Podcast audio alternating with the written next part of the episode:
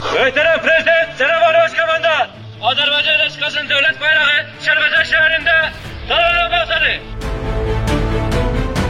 Bununla da 2 il əvvəl Kəlbəcər sahibinə qovuşdu. Kəlbəcər bizimdir, Qarabağ Azərbaycandır. Döyüşlərə tab gətirməyən Ermənistan 10 noyabr bəyanatına imza atdı. Bu bəyanata əsasən 15 noyabr tarixində düşmən Kəlbəcəri təhvil verməli idi. Lakin Azərbaycan qarşı tərəfin xahişi ilə daha 10 gün vaxt verdi. Beləcə bir güllə atılmadan, şəhid vermədən Kəlbəcərə qayıtdıq. Lakin bu 10 gün müddətində Ermənistan xislətinə uyğun fəaliyyətini davam etdirdi. Qafqaz Əməkdaşlıq və İnteqrasiya Ekspert Klubunun rəhbəri politoloq Anar Əliyev xatırladır. Məhz bu müddətdən ekoloji zərbə vurmaq, təbiətimizi, meşələrimizi məhv etmək, yaşayış məskənlərimizi darmadağın etmək, yandırmaq, eyni zamanda daha bir növbəti müharibə cinayətinə imza ataraq, daha bir vəhşiliyi nümayiş etdirərək, daha bir xarakterlərinə uyğun addımları nümayiş etdirərək əraziyə, bölgəyə çoxlu sayda minaların düzülməsinə həyata keçirdilər. Erməni xislətini görmək üçün dünyaya yaxşı fürsət yaranmışdı. Baxıb baxmayacaqları isə öz qərarları idi. Amma baxanlar ürək açan görüntülər görmürdülər. Müharibə cinayəti törədilərək məskunlaşdırılmış ermənilərin çıxarılması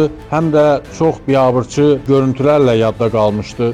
Müxtəlif ev əşyalarının daşınması, hesab edirəm ki, erməni xarakterinə, erməni xislətinə uyğun olaraq eyni zamanda evlərimizin Azərbaycanlılardan qalan evlərin, yaşayış məskənlərinin yandırılması, meşələrimizin kütləvi surətdə kəsilib, doğranılıb, yandırılması, məhv edilməsi, yerüstü və yeraltı təbii sərvətlərimizə ciddi zərbələrin vurulması ilə yadda qalmışdı. Xatırladaq ki, Kəlbəcərin bir hissəsini əskərlərimiz döyüşərək azad edib. Allah şəhidlərimizə rəhmət eləsin, qazilərimizə şəfa versin. Biz Kəlbəcəri dirçəldəcəyik. Kəlbəcərə yenidən həyat qayıdacaq.